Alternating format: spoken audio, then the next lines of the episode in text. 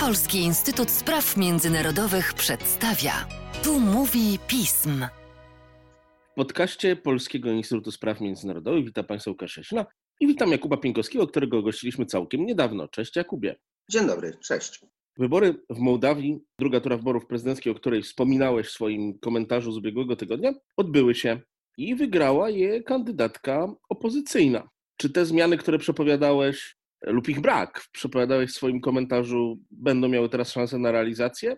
Co się dzieje w Mołdawii po zwycięstwie Mai Sandu? Przede wszystkim może powiedzmy, kim jest nowa prezydent Mołdawii. Jest to pierwsza kobieta na tym stanowisku. Tak jak powiedziałeś, reprezentuje proeuropejską opozycję.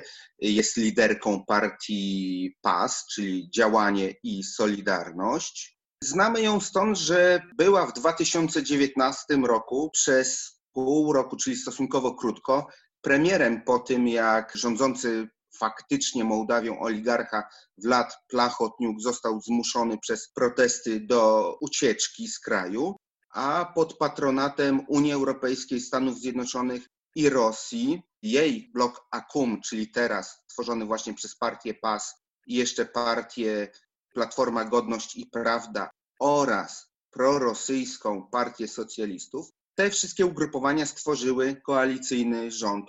On upadł stosunkowo szybko na skutek konfliktu między PSRME, czyli socjalistami, a blokiem AKUM w kwestii powołania niezależnego prokuratora generalnego. Wcześniej Maja Sandu była ministrem edukacji przez trzy lata w rządach proeuropejskich. Wcześniej jeszcze pracowała w Banku Światowym. Jeszcze w 2016 roku, co jest istotne, kandydowała jako lider partii proeuropejskich, opozycji proeuropejskiej w wyborach prezydenckich, jednak przegrała wtedy w drugiej turze z Dodonem, który uzyskał 52% głosów.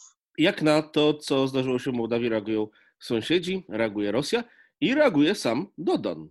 Dodon zapowiedział, że uzna wyniki wyborów, wezwał swoich zwolenników do spokoju, ale równocześnie zapowiedział także, że będzie je oprotestowywać. Tutaj przede wszystkim podnosi kwestię rzekomych nieprawidłowości w głosowaniu przez diasporę mołdawską, bo to jest aż milion ludzi, z czego pół miliona mieszka w krajach zachodnich i właśnie ta część się niezwykle zmobilizowała, bo zagłosowało aż 262 tysiące osób w diasporze. To stanowi 16% w ogóle wszystkich głosów oddanych w wyborach i aż 93% spośród nich oddano na Maję Sandu. A z drugiej strony Dodon też podnosi kwestię utrudnień, które mieli napotykać mieszkańcy Naddniestrza, którzy są uprawnieni do tego, żeby brać udział w mołdawskich wyborach a na tę grupę właśnie Dodon bardzo liczył, bo to jest elektorat jednoznacznie prorosyjski. Mimo rekordowego udziału Naddniestrzan w tych wyborach, bo zagłosowało aż 31 tysięcy osób, to jest mniej więcej dwa razy więcej niż w wyborach w 2016 roku, kiedy masowo ludzi dowożono do punktów wyborczych, kupowano ich głosy, to teraz zagłosowało zaledwie, czy też aż 31 tysięcy głosów, co jednak no, nie zniwelowało przewagi Sandu. Co więcej, aż 14% głosów Naddniestrzan przypadło Sandu. Natomiast jak zareagowali sąsiedzi, no prezydent Rosji pogratulował Sandu, natomiast tutaj będzie szczególnie ciekawa kwestia, jak zareagowała Ukraina i Rumunia. Sąsiedzi Mołdawii. Tutaj kwestia jest o tyle skomplikowana, że za czasów rządów Dodona tak naprawdę był on uznawany za persona non grata na terytorium obu tych państw, ze względu na to, że z jednej strony negował taką wspólnotę kulturalną, historyczną między Mołdawianami a Rumunami, co w rumuńskiej polityce i historiografii jest pewnym dogmatem, a z drugiej strony życzliwie komentował rosyjską aneksję Krymu, co oczywiście budziło uzasadnione protesty Ukrainy. Tutaj prezydent Zełęński i prezydent Johannis bardzo szybko złożyli gratulacje. Prezydent Johannis dodatkowo zapowiedział, że bardzo chętnie przyjedzie z wizytą oficjalną do Kiszyniowa, do czego w czasie rządów Dodona absolutnie dojść nie mogło. Mówiłeś o niektórych czynnikach związanych z zwycięstwem pani Mai Sandu, jeszcze nie prezydent Mołdawii. Czy mógłbyś nam wyliczyć, co o tym zwycięstwie zdecydowało? Bo myślę, że taka publicystyczna odpowiedź w stylu zawiedzenie się rządami Igora Dodono jest chyba za prosta.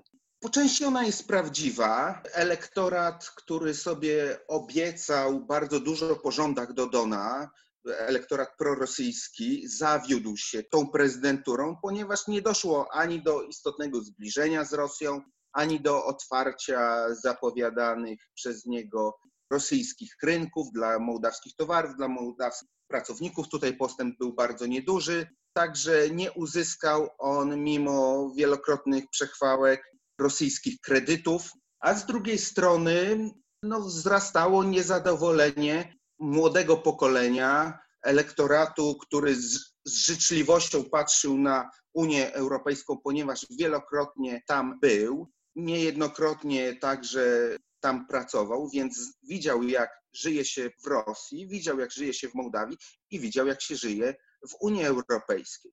W związku z tym masowo zdecydował się poprzeć Maję Sandu. Tutaj bardzo przyczyniła się do tego także pierwsza tura, w której Maja Sandu niespodziewanie uzyskała najlepszy wynik, wyprzedzając prezydenta Dodona. To tchnęło taką nadzieję, że rzeczywiście zwycięstwo nad Dodonem jest możliwe. W konsekwencji frekwencja w drugiej turze była aż o 9,5% wyższa niż w pierwszej. I też ważnym czynnikiem było to, że kandydat, który uzyskał trzecie miejsce w pierwszej turze, Renato Usaty, taki populistyczny dosyć ale bardzo popularny mer drugiego największego miasta w Mołdawii, Bielc, który wezwał po pierwszej turze swoich wyborców do tego, aby nie tyle głosowali na Maję Sandu, co zagłosowali przeciwko Dodonowi. Koniec końców wyszło na jedno, ale znaczna część jego prorosyjskiego elektoratu dzięki temu, zamiast na Dodona, co wydawałoby się uzasadnione, zagłosowała właśnie na Sandu. Także Dodon stracił wiele głosów w tych regionach tradycyjnie prorosyjskich, na południu kraju, z wyłączeniem Gagauzji, w których w pierwszej turze wygrał. Tutaj w drugiej turze zanotował mniejsze poparcie, część jego wyborców odeszła do Mai Sandu. Poza tymi rzeczami, o których wspomniałeś, jakie to będzie miało dla Mołdawii konsekwencje i wewnętrzne, i międzynarodowe? Tutaj musimy pamiętać, że uprawnienia mołdawskiego prezydenta są bardzo ograniczone. Więc przede wszystkim to będzie miało duży taki walor wizerunkowy, walor moralny, który może zmobilizować teraz proeuropejski elektorat.